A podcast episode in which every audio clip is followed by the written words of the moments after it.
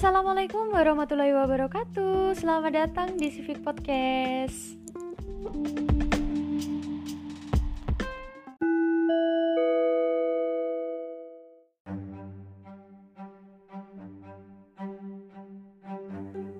Oke, sebelum kita mulai podcastnya, lebih baik kita kenalan dulu dong. Kenalin nih, aku Anindya Novriza Pribadi. Aku merupakan mahasiswi semester 4 PPKN UNS. Nah, di sini aku bakalan bikin podcast tentang pendidikan Pancasila dan kewarganegaraan tentunya. Sebelum podcast ini dimulai, aku mau menyapa kalian dulu nih. Apa kabar nih kalian semua? Semoga saat mendengarkan podcast ini kalian dalam keadaan sehat walafiat dan tidak kurang suatu apa pun. Yang lagi sakit semoga cepat sembuh. Oke, amin. Oke, kita lanjut. Karena ini masih di masa pandemi, kita nggak bosan-bosannya untuk mengingatkan, untuk saling mengingatkan mengenai penerapan protokol 5M, yaitu mencuci tangan, menjaga jarak, memakai masker, mengurangi mobilitas, dan menjauhi kerumunan. Oke, kita lanjut ke isi podcastnya. Jadi di sini aku mau membahas nih tentang materi PPKN untuk siswa-siswi kita kelas 8 semester 2. Nah, judulnya kita akan membahas mengenai bab menganalisa arti dan makna kebangkitan nasional 1908 dalam memperjuangkan kemerdekaan Indonesia. Nah, pada episode ini aku akan membahas mengenai tokoh-tokoh yang terlibat dalam kebangkitan nasional tahun 1908 nih. Yang pertama kita mulai dulu dari pelopornya yaitu Dr. Sutomo. Nah, nama dari Dr. Sutomo ini udah nggak asing di era pergerakan nasional. Tekad untuk memperjuangkan negeri yang berapi-api diimbangi dengan gerak nyatanya mampu menyalakan semangat masyarakat Indonesia. Nah, selain itu, Dr. Sutomo merupakan tokoh penting pergerakan nasional yang mencetuskan berdirinya organisasi Budi Utomo pada tahun 1908. Sekaligus tanggal lahirnya Bung Tomo ini atau Budi Utomo atau Dr. Sutomo ini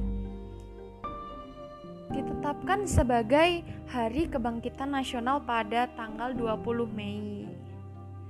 Oke, okay, next yaitu ada presiden pertama Indonesia yang selanjutnya yaitu Insinyur Soekarno. Nah, pahlawan yang berkontribusi ini untuk kebangkitan nasional salah satunya adalah Insinyur Soekarno. Menyandang predikat sebagai bapak bangsa, beliau memberikan kontribusi penting untuk kemerdekaan Indonesia. Selain itu, Soekarno memiliki predikat orator yang handal sehingga membuat semangat persatuan, kesatuan, serta nasionalisme itu tuh jadi bangkit. Jadi setelah adanya Soekarno, kita semakin optimis untuk mencapai kemerdekaan. Oke, okay, next. Yang selanjutnya yang ketiga ada Dr. Cipto Mangunkusumo. Dr. Cipto Mangunkusumo adalah tokoh penting kebangkitan nasional. Beliau sering kali mengutarakan pendapat, pandangan, hingga kritik terkait pemerintahan Belanda yang ada di Indonesia.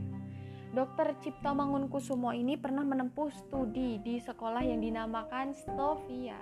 Kemudian menjadi pelopor organisasi politik yaitu Indise Partai.